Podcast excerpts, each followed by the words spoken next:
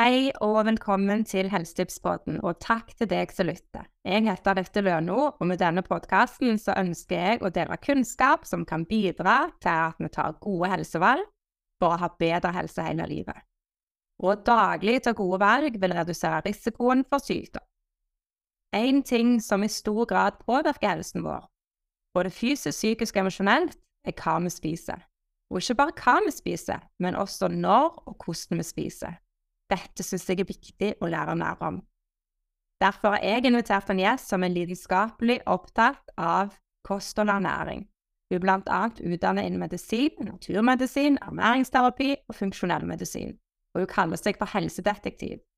Vi skal annet snakke om irritabel tarmsyndrom, matintoleranser, fargerik mat, vagus, tarmhelse, stress, mikrobiota med mer, og dette gleder jeg meg til. Velkommen til Bente Båten. Tusen, tusen takk, Anette. Det er en ære å være her. Dette har jeg gledet meg til i flere år. ja! Så kjekt at du har lyst til å være med og dele av din kunnskap. Og jeg, akkurat det med mat føler jeg har vært litt sånn undervurdert. Eh, og kanskje det er det er litt òg Nettopp fordi at vi har hatt tilgang på så mye rein og god mat og pauser rundt måltider tidligere.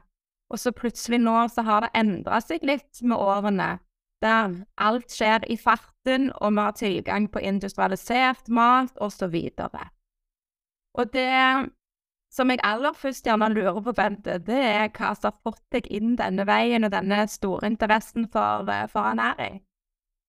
Ja, det er et godt spørsmål. Eh, jeg begynte jo min yrkeskarriere som klesdesigner, så man kan jo tenke hva i all verden wow. jeg har det med henne, litt kyst og frem. men det, jeg begynte jo livet som alle andre, som jeg òg, med mye stress og, og, mye reising, mye kjappe løsninger. Og selv om jeg visste jo innerst inne at eh, det ikke var lurt, så er det jo et eller annet med at vi gjør jo ikke noe med det før man får kniven på strupen. Mm. Og det fikk jo vi òg. Jeg fikk um, gutter. Eh, barna mine ble syke da de kom i tenårene eh, med Crohns og inflammatorisk tarmsykdom, altså. Og eh, to av de, og én utviklet eller hadde et massivt epilepsianfall. Så da var det jo egentlig bare å brette opp armene, og jeg skjønte jo, selv om legene sier at det har ingenting med livsstil og sånne ting å gjøre, så skjønte jeg at det har det jo. Eh, kroppen vår er ikke så dum at den, at den liksom bare reagerer helt sånn uten videre. Så det, det, det, trodde jeg ikke noe på. Så da endte jeg jo opp Jeg brukte jo mye tid på å lese meg opp og googlet på den tiden. Dette er jo 14-15 år siden i hvert fall. Eh, enda mer, faktisk. Ja. Så var det ikke så lett å finne så veldig mye god informasjon på nettet som det heldigvis er i dag. Eh, men jeg fant, jeg, men det ledet meg til å å ta en utdannelse innen dette, da. For jeg fikk jo etter hvert veldig mye spørsmål hva vi gjorde, og hva vi gjorde riktig. Og jeg var livredd for å si noe feil og gi noen tips til andre. Jeg skjønte jo at, at det er jo ikke helt likt for alle, så jeg tenkte at da så jeg skal prøve å hjelpe andre, som jeg fikk en veldig gnist for, veldig begynte å brenne for å kunne hjelpe alle andre også, da. Så og så bra. Først lærer du å hjelpe barna dine, og så òg, da. Sant? Det der å oppleve at en har en viktig kunnskap og innsikt som kan være til nytte for andre, som plutselig styrer deg i en annen retning enn klesdesign. Ja, helt annen retning. Så det ble vanskelig å kombinere med både designjobb og, og mat. Så jeg er jo en litt sånn person som går litt all in. Så ja, så bra. Hvordan har det gått med barna dine, da? Det har gått veldig fint. Eldste så, som har han, han har jo på en måte Eh, diagnosen enda, men han går, jo, har ikke gått på medisiner på veldig mange år. Det, var, det gjorde han en liten stund for å komme over kneika. Og, og sånn. Han har jo til og med vært eh, eh, skihopper på høyt nivå helt frem til han var nå 26 så det, det, har gått veldig, veldig bra. Og nummer to er helt frisk. Så da legene sier at det går ikke an, så da valgte de å ta fra han diagnosen, som vi ikke ble så veldig lei oss for. så det var jo også gøy. Eh, så det, så det går veldig, veldig fint med dem. Så det men tenk at de ikke tror på det og sier at det ikke går an, istedenfor å møte det med heller en sånn undring Wow, hva har dere gjort av at han har blitt så frisk? Nei, det har ikke vært noe interesse for det. Ingen spørsmål. Det undring meg over. Så I journalen til han mellomste så står det faktisk, jeg fikk innblikk i den, at vanskelig mor stiller for mange spørsmål. Å, står det det. Å, kunne bytte det vanskelige ordet med engasjert, eller? Eller omsorgsfull mor. Vanskelig mor. Ja. Ja, ja, den eh, tar du vel godt med deg på veien, tipper jeg. Jeg ler litt av den. Ja. Ja, og så har du jo sant, ulik utdannelse som eh, jeg tenker er så bra for å få satt sammen for å få den hele forståelsen. Og jeg er òg veldig glad for at du òg ja, sant, bryr deg om eh, viktigheten av, av hva, hvordan vi spiser. For det tror jeg ikke Jeg tror nok mange har fått med seg nå at det har veldig mye å si hva vi spiser. Men eh, hvordan vi spiser òg, er jo så viktig. Vil du fortelle litt om det? Ja, det vil jeg veldig gjerne. For det handler ikke bare om hva vi spiser. Og dess mer jeg jobber med dem, dess mer jeg jobber med folk, så ser jeg jo viktigheten av hvordan vi spiser. Eh, og jeg også i starten med barna var jo veldig ute etter å finne liksom én trigger. Er det gluten? Er det melk? Jeg var liksom, var liksom opptatt av at kanskje det var maten sin skyld. Det, men det er det jo ikke. Det er, det er jo hvordan, og hvor, hvordan maten er fremstilt, så det er jo litt maten. øh, men det er også hvordan vi spiser den. At vi veldig ofte spiser når vi er stressa, rett og slett. Du må liksom helt ned til sånn basics. eh, dette med nervesystemet, som jeg vet at du er også veldig, veldig opptatt av. Denne fantastiske vagusnerven må være koblet på for at vi skal kunne fordøye, for at fordøyelsen vår skal kunne fungere. Superviktig. Ja, vagusnerven, som er omtalt i andre episoder òg, er jo en hjernenerve som har nervefibre ned til kroppens indre organer, og blant annet ned til tarmen i stor grad. Og de sier vel at 80% av kommunikasjonen mellom tarm og hjerne går via vagusnerven. Og for å ha god fordøyelse, så må vagus være aktiv aktivert. Så hvordan får vi aktivert den, da? Godt spørsmål. Um, Du vet jo sikkert du, men la oss ja, ja, jeg, ta en, jeg kan ta en historie eh, med en eh, klient av meg som hadde hatt eh, mageproblemer hele livet, egentlig. Alltid vært forstoppet. Veldig mye problemer. Men, men, eh, men hun hadde liksom håndtert det på et vis, ikke sant, med litt sånne midler og litt forskjellig. Men så kom hun i, og, i ble hun pensjonist. Og da, da hun, hadde hun sagt til mannen sin at hun skulle slutte å synge i kor, for det, det tok så mye tid, og nå skal de bare kose seg sammen og være pensjonister. Ja. Og da var det hun kom til meg, for da var det full stopp i magen. Det var bare, jeg fikk ingenting hun hadde forsøkt før funket mer i det hele tatt. Og så, så sitter vi og vrir, ikke sant, jeg går gjennom hele historien, helsehistorien og alt, og så prøver vi, men hva er det du har gjort forskjellig? Hun sa jo ikke noe til meg om det med å slutte i kor, da. Så hva er det du har gjort forskjellig, liksom, er det noe, nei, nå spiste jeg helt likt, og alt var likt, ingenting, kunne ikke tenke seg noen ting. Det var annerledes, og så, så til slutt så kommer det jo frem at hun har sluttet i koret, da, og det er jo den der stimuleringen av vagusnerven som da, så hun måtte rett og slett begynne i koret igjen. Å, så bra. Og i tillegg Nå snakker vi jo det der detektivarbeidet som du sier. Det der å lete etter hvor er, hva har du gjort annerledes? Og så de aller fleste vil jo ikke tenke at, at nødvendigvis noe du går og gjør som en hobby, kobla inn mot hvordan du spiser. Sånn at uh, det trengs en sånn eh, graving i det så for å få fram. Ja, det gjør det. Og det er sånn at det er ikke nødvendigvis alltid selve maten. Selvfølgelig, fordi hun hadde jo vært forstoppet hele livet, så jobbet vi jo med ting som ville bedre det også, så det, men det er veldig, veldig viktig.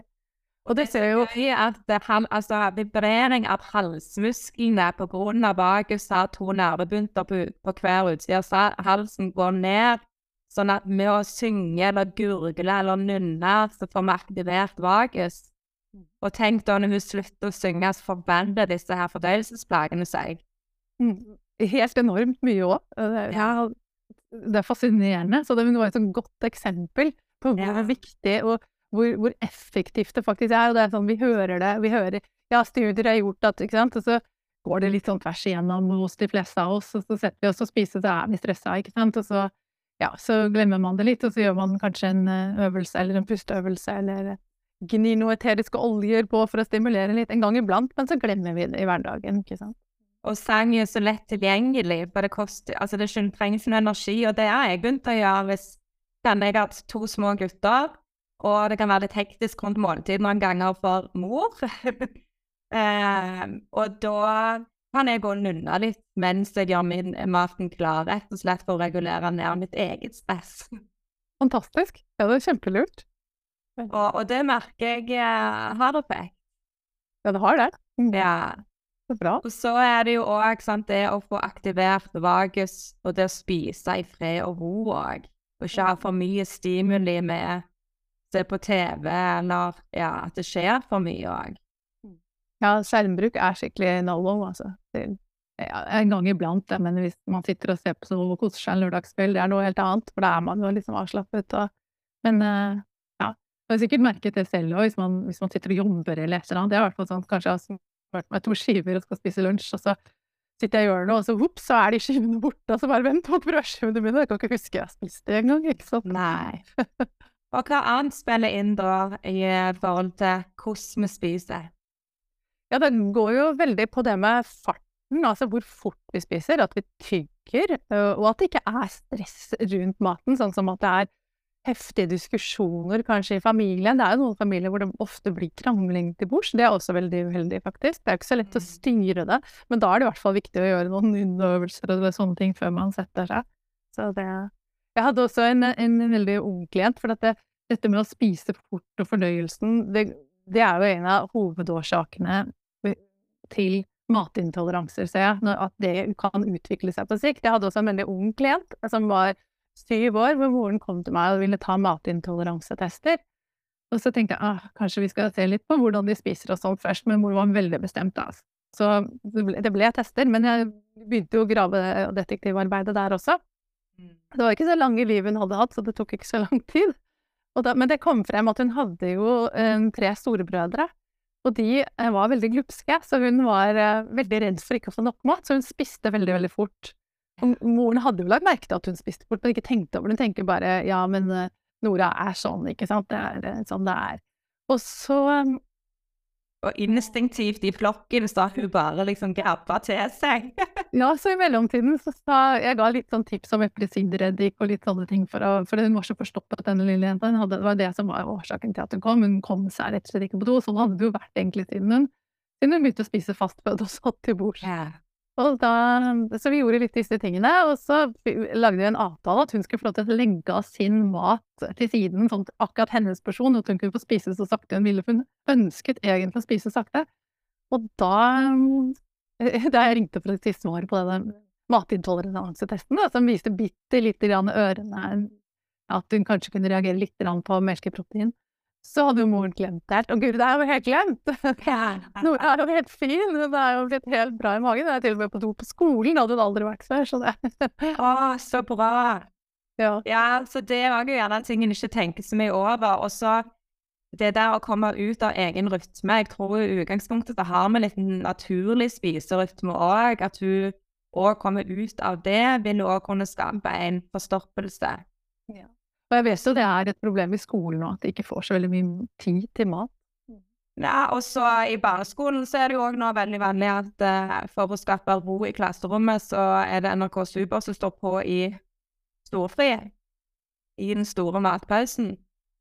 Er det? Ja. Ja. Det er visst veldig vanlig rundt omkring i landet, jeg forstår. Mm. Ja. For det, til det. ja, jeg tror jo da at vi er enige. Jeg syns det er for viktig at det blir snakket om nettopp fordi at vi må òg ta en vurdering om det er hensiktsmessig for fordøyelsen til, til de barna som vokser opp.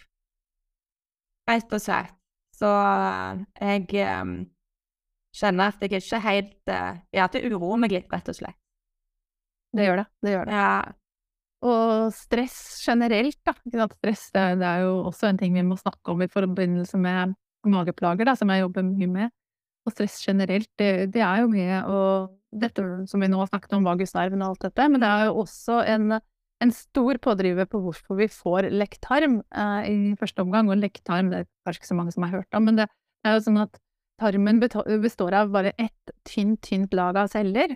Og de er ganske sensible, sånn at under stress så slipper de har en sånn liten jeg kaller det en liten binders, på en måte, eller noe som binder de sammen. da. Eh, og det kan slippe litt når vi er veldig stressa, sånn at da kan litt for store matproteiner slippe gjennom. Og det er jo ofte det som, eh, som skjer da, hvis vi ikke tygger maten ordentlig og ikke får fordøyet den ordentlig. For vi, ikke sant, hvis vi stresser når vi spiser, så lager vi ikke nok magesyre, og vi lager ikke nok fordøyelsesenzymer til å bryte ned maten ordentlig. Og da kan det gå over litt både bakterier og sånne ting også, men også litt for store matproteiner, da, som igjen begynner å lage problemer i systemet. For da kjenner ikke immuncellene i lymfesystemet og i blodsystemet de, disse matpartiklene helt igjen, da. Da tar de mistolker det som fare på ferde. Og hva symptomer er det lekktarm kan gi det? Ja, det kan egentlig gi alt. Det kan gi alt fra, fra liksom leddplager til uh, tåkehode, hjerne, hjerne Altså hva det sier, altså hjernetåke, migrene, uh, smerter rundt i hele kroppen, rett og slett. Uh, det er noe altså lager det, på det. Det er liksom lagra altså inflammasjon på en måte i hele kroppen. Uh, sånn type Hva sa du? Er det noen måte å måle det på? Ja, det er litt forskjellige måter å måle det på. Man kan måle uh, om man Altså om man har skiller ut noe som heter sonulin, som er en sånn markør for lektarm. Det, no, det kan man gjøre i både blodprøve og urin, nei, og i, i avføringsprøve. Og så er det også ganske um, gunstig å måle no, noe som heter LPS i blodet, som er, jeg kaller det little pieces of shit, for det er avføringen fra Ikke avføring, men ja, avfallsstoffer fra dårlige bakterier og sånn, som også gjerne da lekker mye av inn. Så hvis man har mye av det, så er det et tegn på at det er lavgradig inflammasjon i, rundt i kroppen, og at man at det lekker, rett og slett. Så det, mm.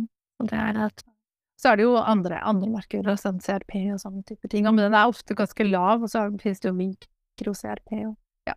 Det er en del tester det går an å gjøre, men symptomene er viktig. Liksom, hvis du har mye smerte rundt i kroppen eh, nå, Man forbinder jo egentlig de fleste autoimmune sykdommer med lektarmene. nå, og mm. så, ja, så det, symptomene er jo tusenvis, egentlig.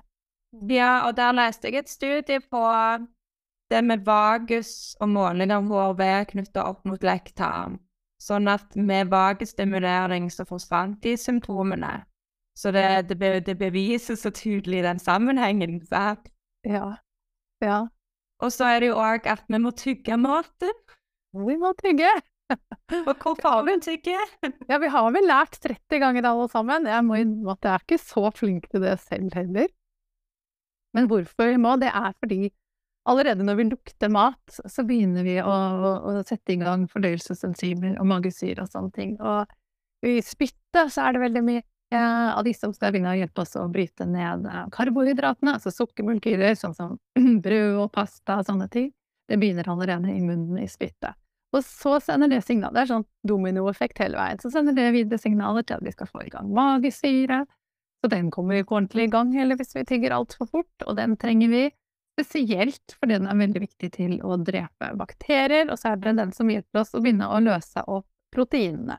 Og magesyre, det skal jo være så sterkt omtrent som batterisyre på bilen din, sånn at det Og du kan jo tenke deg, sant, at hvis du slipper en kyllingfilet oppi en sånn batterisyre, så vil den løse seg fint opp etter hvert. Så hvis den er for svak, da, så, så, vil jo ikke den løse seg ordentlig opp. Så er det et annet problem som også veldig ofte skjer vi har, hvis vi ikke får nok, danner nok syre, da, at det blir for alkalisk i magen, altså for base. Det vil si at pH-verdien kanskje kommer over fire, som helst skal være rundt to, da, ikke sant, når man spiser, så kan den derre lukkeklaffen som sitter på toppen av magesekken, mellom spiserøret og magesekken, den kan ha problemer med å lukke seg, og da vil man kanskje få en sånn reflux, og, og at det lekker litt magesyre opp. Så selv om magesyren er rundt fire, så, så er det for syrlig for spiserøret, så det vil svi og være ubehagelig og vondt, da. Da er det type det som er handelsbanen, da? Ja. Ja. Ja, og det å tygge er jo med å sende signaler til hjernen om, om å øke metthetshormon. Så hvis vi sluker maten, så er det ikke sikkert at uh, metthetshormon i så stor grad uh, ja, settes i gang, som gjør at vi heller uh, ja, at vi ender opp med å spise for mye. Ja, det òg. Det er også en, en problemstilling, faktisk. Mm. Ja. ja, dette her, ja. Det å spise i ro og tygge maten skikkelig, hva mer trenger vi i måltidet? Og vi trenger når vi spiser. Ja, ja, vi trenger jo nok næringsstoffer, da. Men um, det som, er, eh, det som er, er jo at vi tar gjerne ikke opp alle næringsstoffene ordentlig hvis ikke dette er i gang. Det gjelder ikke både, bare proteinene og karbohydratene og sånne ting. Det gjelder jo også um, dette, dette, vi kaller mikronæringsstoffer, som er vitaminer og mineraler og sånne kofaktorer som vi får fra maten. Sånne fytokjemikalier. Det betyr jo plantekjemikalier. Fyto er gresk ord for planter. Kjemikalier er jo eh, en forbindelse. Så de type ting også uh, har vi jo ofte da mer problemer med å nytte oss av hvis ikke fordøyelsen fungerer ordentlig. Og her spiller jo bakteriene en veldig stor rolle også i tarmen. Og det er jo også sånn at hvis, hvis vi allerede fra dårlig magesyre slipper gjennom for mange dårlige bakterier, at det kan, kan, det være med å gjøre at vi faktisk har ubalanse i tarmfloraen vår. Og igjen, de gode bakteriene, vi trenger de for å ta opp Eh, vitaminer og disse, disse, viktige næringsstoffene vi får fra planter. Og så er de også med å lage enkelte bakterier, nei, vitaminer også for oss, faktisk, sånn som O2 og enkelte av B-vitaminene er det liksom laktobasillene som hjelper oss med og ting. Så det er, eh, det er et kjempesamspill, så det er veldig viktig at, eh, at, det fungerer. Og da må vi jo som sagt begynne, begynne med å se på hvordan vi spiser. For det er ikke noe vits at jeg sier til folk ta masse kosttilskudd eller spis sånn og sånn, hvis det egentlig bare går tvers igjennom. Mm. Ja, og det, som du sier, det er jo litt komplekst. Eh, og det å gi næring til tarmbakteriene, mikrobiotene våre, det viser jo òg studier på at eh, kan til og med påvirke sant, følelser, emosjonsregulering, eh, depresjon, angst. Sånn at eh, det påvirker ikke bare vår fordøyelse eller fysiske helse, men òg til og med vår psykiske og emosjonelle helse. Og da begynner det å bli komplekst, men òg veldig spennende, syns jeg. ja, og, det, og det, er, det, er, veldig komplekst, men vi trenger ikke å gjøre det så komplekst, vi som, som forbruker, holdt jeg på vi som vanlige mennesker. Eh, det er jo ikke meninga om man skal ha en doktorgrad i ernæring for å kunne spise. Det blir jo veldig feil, og sånn føles det nok for veldig mange nå. Man, man googler, og man, det er så mye råd, og det er så mye greier. Så jeg tror for folk flest er det innmari viktig å egentlig heller begynne å tenke litt sunn fornuft. Ikke, ikke la seg liksom rive av gårde med alle disse tingene som greiene og supermat, og ikke sant? man kan bli så stressa av det i seg selv. Og heller liksom Så det er litt mitt budskap, da. Altså, vi går litt tilbake til liksom basicen her. Og hva er basic, da? Ja, det er jo dette med å tygge og få i oss maten, og sørge for at vi får de næringsstoffene vi trenger i oss. Og da tenker jeg på sånn som mineraler og vitaminer og fra maten, da, at vi spiser næringsrik det, det jeg kaller næring... Ikke jeg, da, det er mange som kaller det det. Næringstett mat.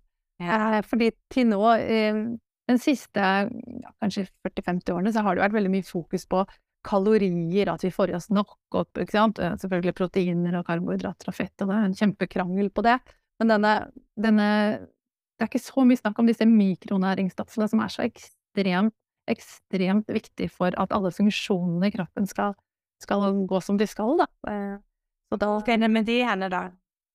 Jo, det, det har faktisk jo gjort en studie for um, et års tid siden. For man studerer jo veldig ofte um, Det er jo masse, masse lister over hva som er næringsrik mat og alt, men da så de på det som var eh, biotilgjengelig, for det er ikke nødvendigvis at næringen er biotilgjengelig i maten, selv om, selv om kanskje spinat er høy på kalsium, så er det ikke sikkert vi kan ta til oss alt kalsiumet.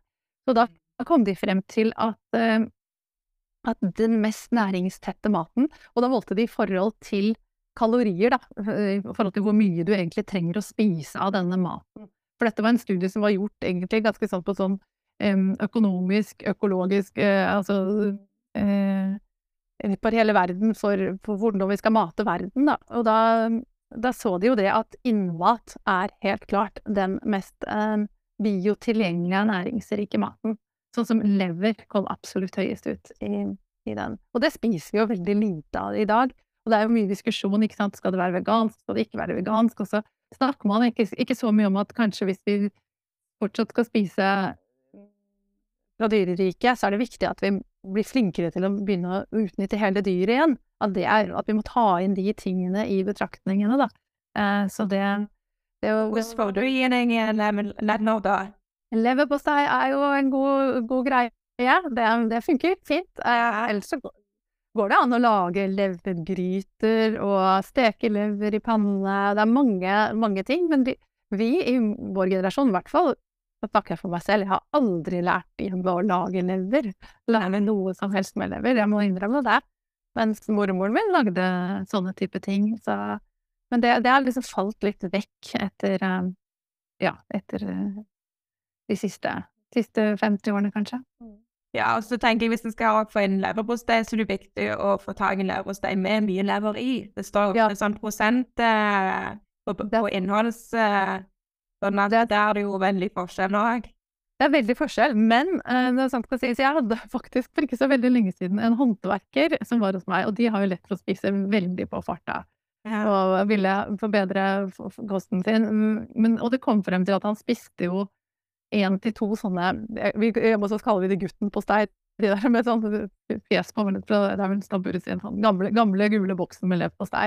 Og jeg var litt sånn jeg var litt sånn, Og det er jo ikke bra nok, ikke sant? Så jeg tatt litt der. Og så, men så sendte jeg han og fikk han av gårde, fikk tatt en del blodprøver og, og, og, sånn. Og han hadde jo noe av de bedre verdiene på mye av sånt som retinol, A-vitamin og sånne ting som det er rik på. Hadde ganske god balanse på, på, på disse fettløse vitaminene og jern og kobber som ofte er bundet opp til de, så det var, veldig, det var egentlig gøy å se at selv, selv den rimelige leverposteien Så det må ikke være svinedyrt å, å, å spise sunt. Vi kan finne, finne billigere løsninger av. Og det å faktisk få tak i jeg ser det på den matbutikken som jeg bor nærmest, der har de lever og innmat og ben til å koke kraft og alt sånt, og det er faktisk ganske billig. Så hvis man er villig til å kjøpe det og lage selv, så er det faktisk rimelig.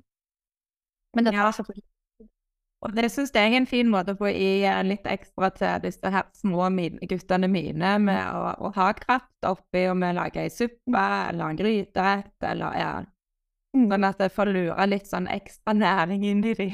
Ja. Og uh, god, ekte, gammeldags geitost også, eller den, den, den, blå som er sånn geitost du får de i, i, i, ekstra mørk og mørk og sånn. De også har veldig godt innhold faktisk av, uh, av forskjellige av disse ting. Så geitekjøtt kom også veldig høyt på listen. Kom over uh, storfekjøtt. Og det er jo det jeg behagelig med geit. Jeg husker jeg var i Mexico en gang. Der var det masse geit å spise. Det var kjempegodt. Ja, jeg så ikke, og jeg så ikke sau, men jeg tenker vi spiser jo mye sau. Jeg vil jo kanskje tro det ikke er så langt unna.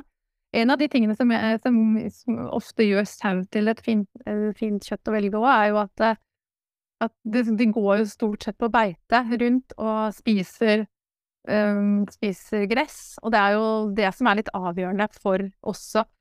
For at både plantekjemikaliene, fargestoffene i, i plantene og næringen eh, går jo videre via dyret, og vi får de jo inn via dyret. Så selv om man er det man kaller omnivår, da, som bare spiser kjøtt, så spiser de jo på en måte planter, de òg, for de får de mm. Så det, så det er en ganske stor forskjell, da. Eh, på hvordan at dyr ikke bare står på bås og spiser mais fra Sør-Amerika, men at det spiser ekte gress og sånne ting som vokser ute i naturen. Ja, så vi kan velge så kjøpe ja, kjøtt som uh, kommer fra dyr som har stått på beite. Ja, så, og sau er jo eh, egentlig en ganske rimelig form for kjøtt som, som naturlig er Som ikke, ikke, er sånn at man må kjøpe økologisk, egentlig. da. Mm. Ja, og så er det det der med sånn, matintoleranser og inflammasjon, som blir snakket mye om, og mer og mer om. Mm. Og litt sånn som du sier, at en kutter ut én mattype, så blir det litt bedre, og så og nei, plutselig reagerte jeg på det igjen, og så er han litt sånn i villfarelse, i, i en, en, god jakt på å få en bedre fordøyelse, da. Eh, og det kan gi sånn oppblåst mage og mye luft og ubehag. Mange erfarer jeg har mye ja, variasjon mellom det å ikke klare å gå på do eller ikke få tømt seg skikkelig, eller det å ha veldig løst avføring. Um, kan han se noe på avføringen, kanskje hva type problematikk det er? Ja, man kan ta utvidede sånne avføringsprøver privat, hvor man både måler bakterieflora, man ser etter parasitter, man ser etter sopp, man ser etter elastase, som er type fordøyel, hvordan, om, hvor mye fordøyelsesenzymer man lager, man ser etter sonulin, som jeg snakket om tidligere, som kan være markør for lekktarm. Man ser på kalprotektin, som er en betennelsesmarkør i tarmen. Så det er mange, og så ser man også på eh, om du har noen bakterier som på en måte er, litt uheldige, som gjerne pakker inn østrogenet ditt og sender det tilbake i retur. Vi har noen litt sånn rampete bakterier av og til som kan sende, sende stoffer og østrogen og sånne ting tilbake i, i, systemet. Så sånne ting kan det være veldig nyttig for. Uh, men uh, ja, det, det, er absolutt en mulighet uh, å, å, gjøre det. Hvis man har Hva med mer av de gode bakteriene, da? Det, det viktigste mener jeg er å mate de gode bakteriene. For det, vi kan jo Det er mange som spiser eh, probiotika som er liksom levende form. Men det blir litt Hvis du ikke også mater de, så blir jo det litt som å kjøpe gullfisk, og så glemmer du å mate de, så da må du liksom kjøpe nye hele tiden. sånn at vi må sørge for å gi dem den maten. Og det bakteriene liker, det er eh, fiber, først og fremst godt fiber i, i, som vi finner i grønnsaker. Men så er de også veldig glad i farger, og forskjellige bakterier liker forskjellige farger. Og tidligere så har man jo også trodd at eh, disse fargestoffene, sånne, de som heter flavonoider, da, som er en del av disse fytokjemikaliene Til nå så kjenner vi til sånn ca. 4000 forskjellige, og i Norge, så tror jeg i handelen i Norge er det nok ikke fullt 400 engang, og de fleste av oss spiser kanskje bare noen få. Kanskje bare ti, ikke sant? Så, men uh, de liker, bakteriene liker forskjellig, så derfor er det viktig med mangfold i farger for å mate forskjellige bakterier. Og så, jo, det jeg skal si var at Tidligere så trodde man jo at alle disse fargestoffene var viktig å få det inn i cellene, men det viser seg at det, det er ikke det, for de bruker Noen er viktige inn i cellene, men de, uh, bakteriene og immuncellene bruker de som en, uh, en sånn signalstoff imellom seg. Sånn at det er sånn som med kurkumin, for eksempel. Det er en blanding av både fargestoff og en plantekjemikalie. Den, den som vi finner i gurkemeie, som er liksom Mange spiser jo i pilleform, ikke sant, og så sier man man må ha det med pepper for at det skal tas opp og alt sånt. Så har man skjønt at det skal kanskje ikke egentlig tas opp. Det er kanskje en grunn for at, det, at den er vanskelig å ta opp, fordi at det er en av de som man har forsket mye på, da, som man ser at det er utrolig viktig signalstoff imellom celler og altså immunceller og bakterier. Da. Og det er veldig interessant. Og i, i, også en sånn Det er en veldig viktig bakterieart eh, for god helse som, vi, som er forsket masse på i de siste, som heter Ackermansia. Som de også har prøvd veldig mye å lage i, i pilleform som man kan selge, og de klarte ikke å få den til å overleve, og overleve til tarmen. Og det, det har de prøvd i mange år nå. Men nå fant de ut hvorfor, og det var fordi at den trenger allerede i, i boksen, da, eller i, i pilleform, å ha med seg nisten sin, ha med maten. Og den er veldig glad i noen røde plantestoffer, sånn som for eksempel rødfargen og, og, de, og noen røde plantekjemikalier i granateple for eksempel, og i tyttebær og sånne ting. Så når de la til det i tilskuddet, så overlevde den og kom seg over i tarmen. Så det er spennende, og det viser jo sånn sammensetning av måltidet. Det å bare spise, tenke én og én ting Vi har forenkla det så mye, og det er jo ikke en løsning for det. Det er jo en sånn eh, digert samarbeid av en sånn eh, en stor fest, at alle må være med på festen for å få dette til, da. Det var en god måte å si det på. Da den røde ikke kommer til festen, så blir det en skikkelig dårlig fest. det var en veldig måte, fin måte å se det på. Så, ja, og det er litt tilbake til at ikke gjør det for vanskelig. For eksempel, vi kan jo ikke gå ut og vite at Ackermann Sia liker tyttebær. Ikke sant? Det blir litt sånn vanskelig å drive og huske på. Så Uh, så bare det å tenke liksom at har jeg spist noe rødt i dag, har jeg spist noe blått i dag, har jeg spist noe, noe gult i dag, og heller bare tenke litt sånn, sånn at du har, har, gitt alle på festen den maten de liker, da. Ja, ja som en tapas. Ja. Og det er jo derfor jeg, jeg og konen jeg har blitt kjent med deg, er jo for du har en fantastisk fin konto på Instagram, der du er inspirerende og deler kunnskap, og det som er sånn enormt blikkfang, er jo de fine fargene du bruker. Eh, og det er jo en sånn påminnelse hvis det dukker opp en post du har lagt ut med fargene, så er det sånn 'Å, jeg skal jo spise farger, må jo kanskje bare spise brud eller noe'. Eh, så der er du skikkelig god, altså. Jeg elsker jo farger, og det er, det er så morsomt, for det som kunstner, først utdannet meg som kunstner og, og, design, så var det liksom farger Da lærte jeg jo mye hvordan farger påvirker oss mentalt, sånn rent disse bølgelengdene og alt det, men jeg skjønte at de også energetisk og gjennom alle disse prosessene påvirker oss inn i kroppen, så ja, så ble det virkelig gøy. ja, kjempespennende. Og det òg er jo så fint, for deg at det finnes jo sånn gårdsutsalg, og det er større butikker som har god variasjon òg. Eh, sånn at eh, vi har hatt en litt sånn, eller jeg har hatt hjemme en sånn med plantepoeng. Eh, ja. Der jeg har liksom lett etter ulike OK, nå, for det kan være litt ensidig kost noen ganger. Så det å finne oppdage noe nytt som du nesten ikke vet navnet på engang, kan jo òg gjøre det litt sånn lekent og spennende. Ja, jeg har også en litt sånn konkurranse gående på det. Ja. Jeg prøver å få til til de små hjemme så har jeg òg eh, begynt veldig mye med sånn plukketallerken. Og da er jeg òg litt opptatt av at jeg skal finne litt ulike farger òg, sånn at de kan eh, Ja, at de syns det er litt spennende. Ja, de gjør det. Det var sånn da vi da guttene var små og, eller yngre, da, og, og vi holdt på Vi kanskje skulle lage taco, da, så var det sånn Sørge for at det var alle fargene med på tacobordet, ikke sant. Så så da istedenfor å si litt om hva har vi glemt, da har vi glemt liksom mais eller ditt, og så var det jeg glemte gule. Ikke sant, har glemt det. oh, så gøy. Ja. Det funker, det. Ja, så farger og fiber. Utenom i grønnsaker, hvor finner vi da òg fiber? Det er gode kilder. Um, vi finner jo utenom grønnsaker eh, og frukt. Ja. Ja, det, det, er ikke, det er jo der som er hovedkilden til fiber. Og, og, og frø, da. Frø er jo fine kilder, sånn som linfrø, loppefrø, chiafrø er jo fine kilder til fiber. Mm. Eh, og så er det jo Ja. Eh, men bakteriene i tarmen, de, de, trenger jo dette fiberet for å For å På mange ting. Det er det som opprettholder god tarm... Eh, sånn slimhinnene. Det er viktig for å pleie slimhinnene. Og så er det også sånn at selve cellene i tarmen, de eh, liker jo eh, De har sin foretrukne energikilde, er jo disse kortkjedede fettsyrene som bakteriene lager når de tygger fibre, da. Så, og det er sånn som smørsyre og sånne type ting.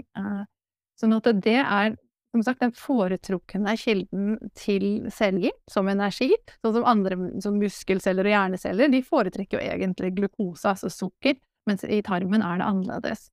Men eh, smør, da, for eksempel rent ekte smør, det inneholder jo også ferdige mørsyrer, ferdige, ferdig, ferdig ting for deg, på en måte. Mm. Så det kan også være fin, eh, et fint tilskudd i forhold til, ikke tilskudd, men altså et ekstra supplement til, til å spise fiber, og få i deg så det å steke eller varmebehandle grønnsakene med smør, for eksempel, er kjempefint. Både olivenolje og smør. Og, og, det er jo også sånn at veldig mange av disse fettløselige vitaminene, eller de som skal omdannes i kroppen til fettløselige vitaminer, sånn som i denne familien oransje-gulfargene, det som heter karotenoider, som vi finner som er, er det som kanskje er formolekyl til A-vitamin, de trenger fett for at vi skal ta det opp, så da er det veldig gunstig å og ta på litt smør eller, eller olivenolje og litt salt og sånn. Da blir jo alle grønnsaker gode, da til og med barn elsker jo grønnsaker hvis de får litt smeltet smør og litt salt på. Så. Ja, ja. Bakt i ovnen, så er det helt nydelig, syns jeg. Ja, og da tar de det opp mye bedre også, så det er Ja, det òg ja. Så det skal man ikke være redd for. Så det er ren smøring for tarmslimhinnene og ren energi for selve tarmcellen. Ja. ja, den var fint å vite ja, hvis du sliter litt med å få i barna dine grønnsaker, så, så bruk litt smør både på de og, og, og gi de smør ellers også, for det er, disse, det er, er den energikilden som tarmcellene deres vil ha. Og det får meg jo litt å lure på, sånn som deg som kan så mye, hva kosthold har du hjemme? Godt spørsmål. Det er fargerikt, faktisk. Det, det, det, kan jeg si, men det hender jo det går fort i svingene her òg. Men men uh, vi, vi, ja, vi, spiser egentlig ganske variert. Uh, men vi spiser også ganske vanlig. Ja, vi spiser jo mye sånn Vi spiser kjøtt og fisk, og med, men prøver å ha hoveddelen av grønnsaker. Altså, så det blir jo en del ovnsbakte grønnsaker. Det blir en del mye salater, egentlig. Jeg er veldig glad i råkost, så vi er litt sånn forskjellige her. Jeg har jo bare gutter. Ikke bare, men jeg har gutter. Og de er jo veldig sånn kjøtt og veldig glad i sånn kjøtt og fisk og sånn type varmmat, mens jeg er mest glad i råkost. Så det blir ofte en blanding. Eh, Så, og så prøver jeg veldig ofte å lage nok eh, til middag, sånn at man kanskje har til lunsj, da. Så det er veldig deilig. Du skal slippe å bare ta den kjedelige brødskiven. Men, for det har lett for å bli det hvis jeg sitter på hjemmekontor og jobber og ikke Ja, godt tips det å lage mye, for en ting som meg blir lett å bli lei av å lage mat. Ja. Sånn at hvis han lager mye, så har han det lett tilgjengelig, enten om det varer noen dager i kjøleskapet, eller om en faktisk òg fryser ned. Det er ikke for forenkler hverdagen litt òg. Det gjør livet veldig mye lettere. Istedenfor å bruke tid på å lage maten, da skal en bruke den tiden på å tygge rolig og skikkelig. Ja. Ja. Men jeg måtte, for jeg har jo veldig, også glupske gutter. Så jeg, måtte, jeg måtte, hvis jeg lagde en sånn dobbel porsjon, så måtte jeg gjemme unna det på forhånd. Så, Ja, for jeg? hvis ikke ble det borte. det har jeg hørt om det av venninner av meg som har eldre barn, så har de lagd gjerne for noen dager eller hele uka, og så kommer de hjem og så er alt spist opp. Ja, det må jeg gjemme, for å si det. Det har- det høres styrt ut òg. Ja, det Ja. er helt Og vi har jo en liten sånn eh, Du nevnte det òg med at det finnes genetiske forskjeller, og det kan jeg lite om, må jeg ærlig innrømme. Vil du fortelle litt om det? Ja, det vil jeg, for det er også litt viktig å ta inn i betraktningen. For det er jo sånn at um, vi er jo liksom lært opp til at vi har sånne og sånne gener, det får vi ikke gjort noe med, og er, noen er uheldige og har noen dårlige med seg, noen har fine med seg. Men så er det sånn at det kan vi påvirke helt enormt mye. Em, så der kan vi, ved å spise riktig og gi kroppen det den trenger, sørge for at sykdom holder seg unna. Og det er jo litt sånn at vi, hvis vi, sånn som i min familie, hvor vi da har noen genetiske varianter, sånn som tydeligvis Crohns eller, eh, eller Parkinson har vi, og leddgikt og sånne ting, så er det jo viktig å, å spise for de enzymene som man ser eh, hjelper til å bryte ned eksempel eh, dopamin og sånne type ting da, i, som, som er i maten, eller eh, hvor, det, hvor det er kanskje ADHD, eller eh, familier hvor det er eh, eh, mye, mye kreft, for eksempel, for kreft er også sånn inne i resten av bildet her, at det er viktig å for, altså, Det er litt vanskelig å forklare dette på en enkel måte, men disse genene våre de får vi ikke gjort noe med. Det er på en måte litt sånn sjefsene over, eh, over hvordan ting blir produsert i kroppen, og hvordan vi bryter ned stoffer. Og så er disse enzymene som vi har, som kroppen da lager på oppskrift etter genene, de kan være veldig fungerende, eller de kan være litt sånn ikke så fungerende. Så du, det blir litt sånn Så hvis genene er sjefen, og disse enzymene på en måte er er disse mellomlederne på gulvet på en fabrikk, eksempel, så kan de være Noen er litt flinke, noen er litt slappe. Eh, og så er det det at hva slags verktøy eller hva slags, eh, hva slags materialer du egentlig gir de, vil gi litt utfall på hva slags jobb de klarer å utføre. Sånn at hvis de mangler veldig mye vitaminer og mineraler for å gjøre den jobben de, de enzymene trenger å gjøre, så vil det bli et dårligere resultat. Da vil de lage produkter i kroppen, altså lage enzymer og proteiner og alt det de skal bygge og lage, det vil de gjøre kanskje litt dårligere, sånn at det er litt dårligere funksjon, eller de kanskje sliter med å bryte det ned. Eh, for det er også enzymer som hjelper oss å bygge opp ting, og så hjelper de også å bygge ting ned på, på andre siden. Så matmolekylene, da, det blir på en måte sånne legoklosser, eller materialer, da, som disse enzymene får bruke. Og selv det, og s- Ja. Ja, og de enzymene skal vi også bygge, ikke sant? Som at det er jo en byggeprosess ut like både opp og ned hele tiden i kroppen, da. Og så er det litt sånn det med genetisk disponert for trenger ikke å bli aktivert. Så det er jo litt det òg det handler om. Og nå så jeg et sånt bilde for meg at disse her mellomlederne og arbeiderne, det er sånn du får eh, godt stødig treverk, og så får du en sånn morken trebit å jobbe med. Og til slutt, med bare dårlige materialer, så faller jo huset. Ja. Og da er vi jo sant, bare da mer utsatt for sykdom enn hvis vi bygger en, en eh, grunnmur og reis, et reisverk som, eh, som tåler litt storm, da. Ja, det er egentlig litt sånn det funker. Veldig, Ja. veldig enkelt forklart, men det Ja, ja. viktig. Og, det, og derfor òg hva vi spiser, er jo med å påvirke om vi er mer utsatt for sykdom eller ei. Og vi, hvis vi får skrudd på den markøren da som gjør som vi er genetisk disponert for, så, eh, ja, er jo det en økt risiko for at vi får den sykdommen som kanskje da er i familien. Ja. Og vi ser jo sånn som i brokkoli, da, det er kanskje den mest studerte grønnsaken for alle disse type tingene. Det er det. det er Kreft og sånne ting, da. Og, og disse kreftgenene og sånn, da ser man jo den har et, et sånt plantekjemikalie som heter sulfarofan, litt vanskelig ord. Men det er et sånt, litt sånn langstrakt molekyle som klarer å snike seg helt inn i cellen, helt inn til der hvor liksom DNA og kopieringen og dette skjer. Så det er der den, dette kommer inn, som du sier, man kan skru av og på, ikke sant. Man den kan da på en måte skru av disse mer sånne kreftfremmende genene, da. Det er jo veldig spennende. Og det er ikke, det er ikke alle plantekjemikaliene som kommer så langt inn, det er bare noen få. Men, men det er en av de. Ja, og så at kosthold og hva vi spiser, spiller så enormt stor grad inn på mer enn bare fordøyelsen. Syns jeg vi trenger å ta Altså, men du gjør det, men at samfunnet trenger å ta mer på alvor. Og det vil jeg si. Jeg har migrene, og vært, eh, jeg har vært veldig dårlig i perioder. Og i utredninger og sånn, så er aldri noen som spurt meg hva jeg spiser. Eller når jeg spiser, eller hvordan jeg har det, eller om jeg sover, eller eh, kun egentlig kartlegging av hvor ofte og hva grad, og hva medisiner jeg skal ta. Ja. Men i den Og ikke noe sånn om sykluser og sånne ting heller? Nei. Nei. Ikke det heller? Nei. Og det, og det som har hjulpet meg veldig, det er jo det å ha lengre spisefri mellom måltidene og forlenge den eh, nattfasten, da. Eh, det merker jeg helt tydelig av mindre migrene. Ja. Og selvfølgelig òg hva jeg spiser, selvfølgelig, men, eh, men hvor, hvor, viktig å se på hva vi spiser, hvordan vi spiser når det gjelder all sykdom. Mm. Og, og, særlig også rundt mye av dette Det som jeg er litt frustrert over, er jo også at det snakkes jo mye om mental helse, og hvordan vi føler oss og alt dette her, og så snakkes det også lite eh, om hvordan maten påvirker oss der. Det har vært en del snakk om dette med bakteriene, og det er liksom viktig.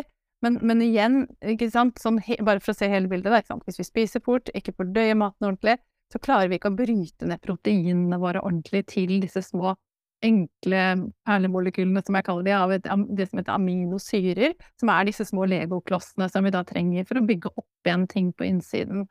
Og så, um, sånn at det da, og disse er viktige ikke bare for å lage muskler eller andre mulige celler, de, de, er også viktige for å lage signalmolekyler. Det, det jeg liker å kalle molekyler av følelser. De, altså følelsene våre er også molekyler, og de danner vi rett og slett fra matmolekyler. Og ikke bare det å bygge de opp, men sånn som jeg snakket litt om i sted, at vi må bryte de ned. Så det jeg ser er et problem hos veldig mange, særlig de som har mye sånn type histaminintoleranser og sånne ting det er jo at eh, både østrogen og histaminer og stresshormoner krever de samme type eh, mineraler og næringsstoffer for å, å, å få disse enzymene til å fungere. Sånn at eh, hvis de ikke har nok da, av disse, eh, sånn som kanskje B6 eller sink eller kobber og sånne ting, så klarer du ikke å bryte de ned ordentlig heller, og da hoper det seg opp. Og det er jo et veldig stort problem i dag, at veldig mange har liksom, så høyt stressnivå, og at det bare durer på, selv om de liksom legger seg ned for å slappe av og skal meditere og alt, så bare klarer man ikke å stoppe det hjernegreiene, for, fordi det bare rett og slett ikke skilles ordentlig ut. Og det kan vi også se på sånne på tester, for der er det egentlig sånne metabolitter i urin, så kan vi egentlig måle dette litt, så det er litt interessant. Og det, og det, det er viktig. Igjen er det liksom det med å få alle næringsstoffene ordentlig inn og fordøyd, da. Ja, og så er det jo sånn hva forårsaker stress? Blant annet så er det jo det når kroppen ikke får dekket sine primærbehov, og et av dem er jo god kost. Eh, sånn at hvis vi spiser bare veldig mye høy ultraprosessert mat, eh, spiser hele veien, drikker en Pepsi Max, tar en energidrikk, eh, ikke spiser grønnsaker i det hele tatt, så har vi liksom en sånn ja, en belastning på kroppen som òg gjør at det kan gi sant, både fysisk og psykisk stress. Ja, det er det. Og når vi stresser mye, da, og så spesielt traumer som vi kanskje har opplevd, eh, sånne Det kan være alt fra en bilulykke til, eh, til traumer eh, påført av andre mennesker, altså i forhold, så overforbruker gjerne kroppen også veldig mye sånne vitaminer og mineraler. Sånn at spesielt, sånn som magnesium og sånne ting. Og da tappes man jo litt for det, og da, da blir jo denne på en måte, jeg kaller det liksom stressbøtta vår, da. Den blir jo mye fortere full når vi ikke har det vi trenger for å prosessere ting, da. For å prosessere alle disse følelsesmolekylene våre. Så når kroppen har høyt stress, så er det noen ting kroppen forbruker mye mer av for å egentlig overleve, da? Ja, den gjør det. Det er både antioxid... Mangler da kan, som en kan få? Ja, det er jo magnesium er en av de man ser eh, på en måte kroppen liksom kjører ekstra mye gjennom. Eh, og, og, det som heter antioksidanter, da, som man får fra maten, som er vitaminer, og som er disse plantekjemikaliene, og altså Det brukes veldig mye. C-vitamin er for eksempel viktig å få godt med i sånne stressituasjoner. Og hva mat finner vi magnesium i? Ja, det finner du både i grønne bladgrønnsaker og i kjøtt og fisk, og egentlig litt i, litt i alt. Eh, men eh, akkurat magnesium er vel kanskje en av de tingene i en så stresset hverdag som veldig mange av oss lever i dag, som jeg anbefaler mange å, å bruke ekstra, så supplere med. Mm. Har du noen målinger for å se magnesiumverdiene? Magnesium er veldig vanskelig å måle og se, fordi um, 99,5% av det, det lagres i, i, vev og i benstruktur og rundt i kroppen, så vi har på en måte bare eh, Det som måles i blodet, er jo nesten bare en halv, rundt en halv prosent. Og kroppen er jo så flink til å holde det i balanse, holde, så det vil alltid se ganske greit ut. Men jeg tenker derfor er det greit at den er i litt sånn øvre sjiktet på blodprøver, da. At uh, magnesium ikke går lavt. Ja, altså skal det vel mye til. Sånn som jeg har forstått det, at det skal mye til for at det blir lavt en blodprøve. For det, det, går der først, så det måler ikke verdien i resten av kroppen. Nei, det er, det, så den er vanskelig. Og så er det noen som måler den i eh, Gjort det av og til selv òg, i sånne, det som heter i hele røde blodceller. Men jeg er litt usikker på den måleteknikken, fordi um, Røde blodceller har ikke mitokondrier, og mitokondrier er jo denne, dette kjernekraftverket inni hver celle som lager energien for oss. Så litt usikker på da hvor relevant det er, når, når den cellen ikke egentlig har, Selv om man knuser selve den røde blodcellen og ser hvor mye magnesium det er inni. Så litt usikker på det, faktisk. Ja. Jeg har prøvd, prøvd, å finne ut av det og lest på det, men jeg, jeg får noen gode målinger på det. For det at, uh, jeg er på helt sikker på at det er ganske mange som går rundt med for lave, lavt inntak av mag magnesium, som er viktig både for fordøyelse og immunforsvar og nervesystemet. Ja. Um, så nå blir jeg nysgjerrig på hva er det du gjør på jobben din? Hva er det, hvordan er det du Hva kan han teste? Og hvis jeg uh, har ja, hvis jeg har store fordøyelsesplager og strever litt med å finne ut eh, hva, hva, gjør du da når jeg kommer til en time til deg? Jeg er veldig glad i å se på Veldig mange som kommer til meg, har jo tatt litt blodprøver først, for mange har jo kanskje vært noen runder og holdt på litt. Um, så da ser jeg jo på blodprøver og prøver å få et, et litt sånn oversiktsbilde, litt hva som skjer, og ser på jern og kobber og alle fettløselige vitaminer, og se på spesielt B-vitaminer er jeg veldig opptatt av. Det, det, kan man måle en del på, på vanlig, så jeg bruker det aller, aller først. Uh, og så er det jo alle symptomene man har, og så begynner jeg egentlig å jobbe med maten og kosten, og, og, og, bare helt disse basic elektrolyttene, sånn som kalium og salter, magnesium og kalsium, på en måte, at det er på plass. Så jeg spør jo litt hva du spiser, så jeg prøver å se litt, kartlegge litt om det er noen ting jeg tenker her blir det altfor lite av det eller det, eh, bare for å få en indikasjon på det. Og så begynner jeg egentlig å dette med, med få opp magesyre eh, hvis de trenger det, eh, spise sakte, det begynner helt sånn litt sånn som vi har pratet gjennom tingene i dag, faktisk. Ja. Uh, og så begynner jeg å si at de må få i seg mer farger og mer fiber, og, og så har jeg litt, litt triks i forhold til liksom, noen sånne tarmdrikker hvis man har veldig forstoppelser. Så litt sånn type legge linfrø i, i, vann og la det svelle, og spise det på kvelden, for det er en veldig sånn fin både en fin eh, regulator av, av tarmen, og så fungerer den litt som en sånn feiekost som drar med seg dårlige bakterier ut. Så den, den, regulerer magen litt, så den kan være fin både hvis du er litt forstoppet, eller hvis du har løs mage, faktisk. Så bruker alle sånne type ting først, eh, og så hvis de hvis, hvis, det har vært veldig ille over lang, lang tid, og de har som sagt prøvd mye og prøvd mange av de rådene jeg kommer med, og sånn, så anbefaler jeg av og til en avføringsprøve. Men det er ikke det første jeg gjør, for at jeg, jeg tar det heller sånn hvis, vi, hvis alt det vi forsøker ikke fungerer, så kanskje vi går inn og, og gjør det. Ja. Men jeg har også ganske mange som er vært svært utmattet og, og har bare ekstremt lav energi og ikke tåler så mye, og ikke tåler mat, og som jeg sier, har disse stresstingene de ikke klarer å skille ut og sånn. Da er det ofte jeg anbefaler disse organiske syre-urinprøvene, for der, der, kommer vi litt raskere til, til, kjernen. Eh, det er ofte litt sånn ønsket for mange, så det kan være nyttig. Så den bruker jeg ganske mye.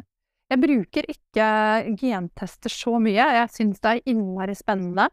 Eh, men jeg syns det er litt vanskelig å anbefale folk. Sånn, det er jo litt sånn nice to have, kanskje ikke need to have. Uh, så, men noen kommer til meg og har tatt de før, så da har de masse som de, de har vært mange steder og kanskje brukt Og Da har de gentest? Ja, det er jo det, men man ser jo hvilke, hvilke steder du har mutasjoner, og dette er jo bare de som blir tatt, det er jo bare en, lite, en liten del av de som det er forsket mest på, så av alle våre gener så er det jo bare et lite bilde.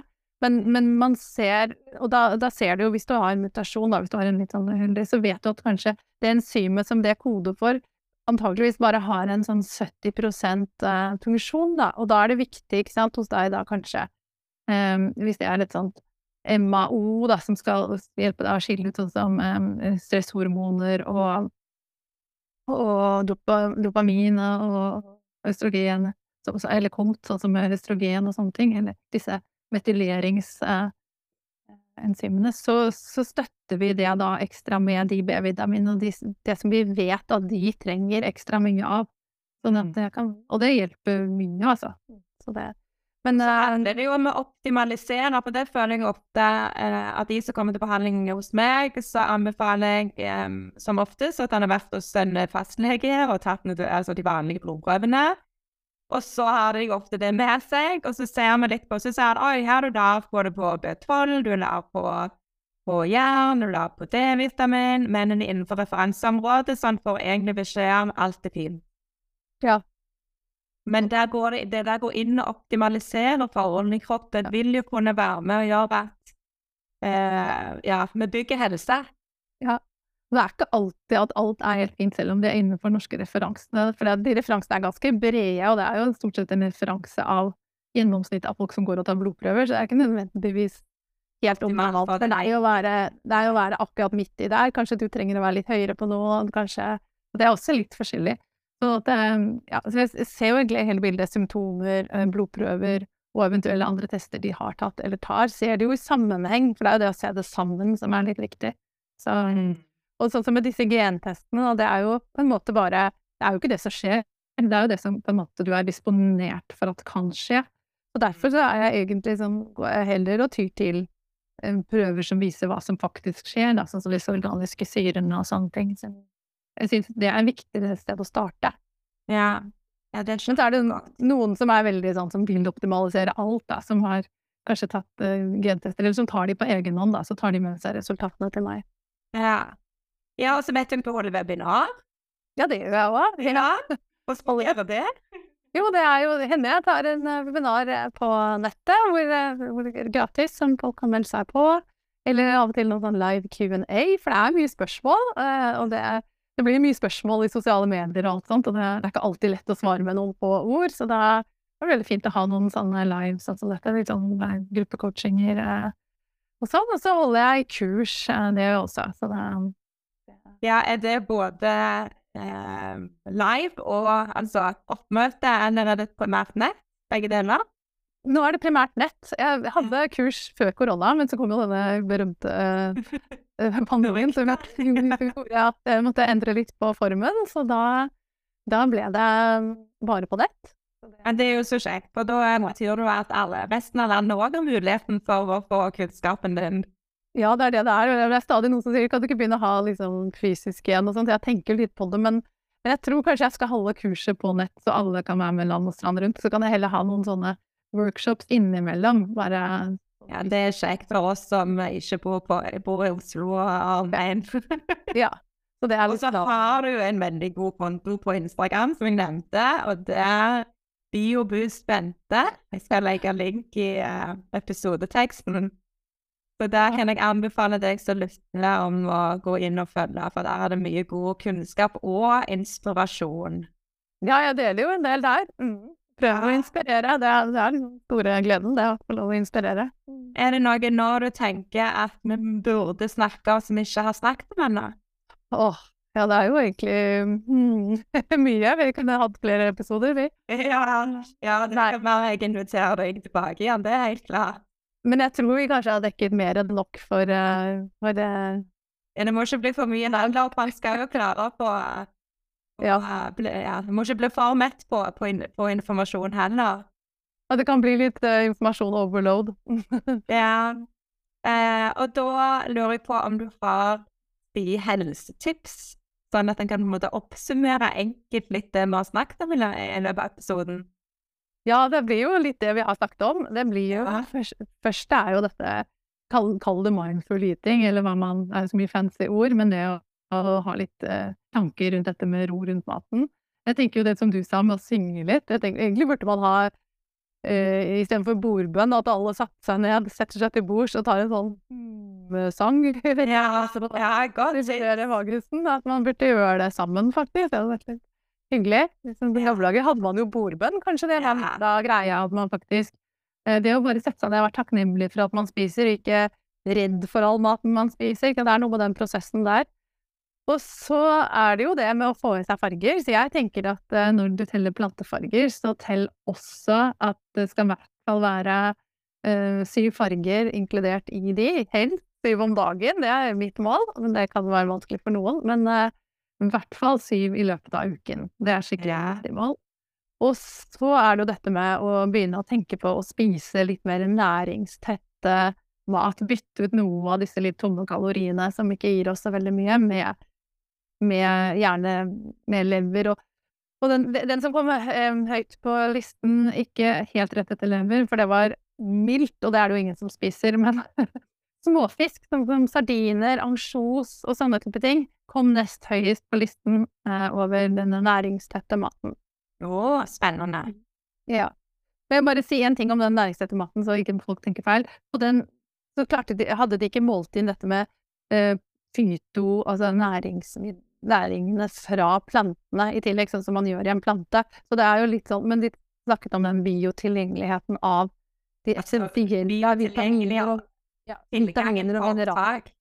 Ja, og så er det, det, er litt forskjell på vitaminer og mineraler og sånne ting. Det er essensielt. Det dør vi uten. Så det var det de målte. Mens disse plantekjemikaliene, det er mer sånn for at vi skal blomstre. Så det er ikke sånn Vi, vi dør ikke uten anti, alle de antioksidantene og alle de planteforbindelsene, men, men, det er det som gir oss kvalitet da på livet. Mm. Så først, ja, bra innspill. Det å spise det som gjør at vi overlever, men òg det som gjør at vi vi har eh, mulighet til å få god livsverdi og livskvalitet. Da kommer fargene og fibrene inn. Ja. Ja takk for uh, at du deler så rikt av din kunnskap.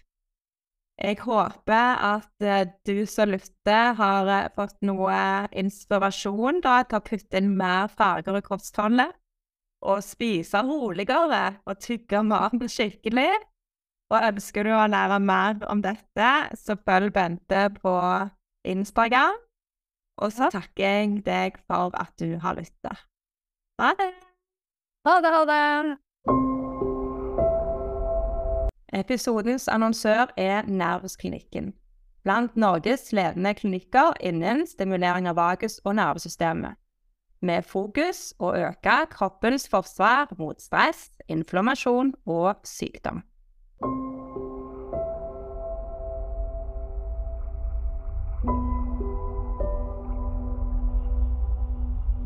Mm-hmm.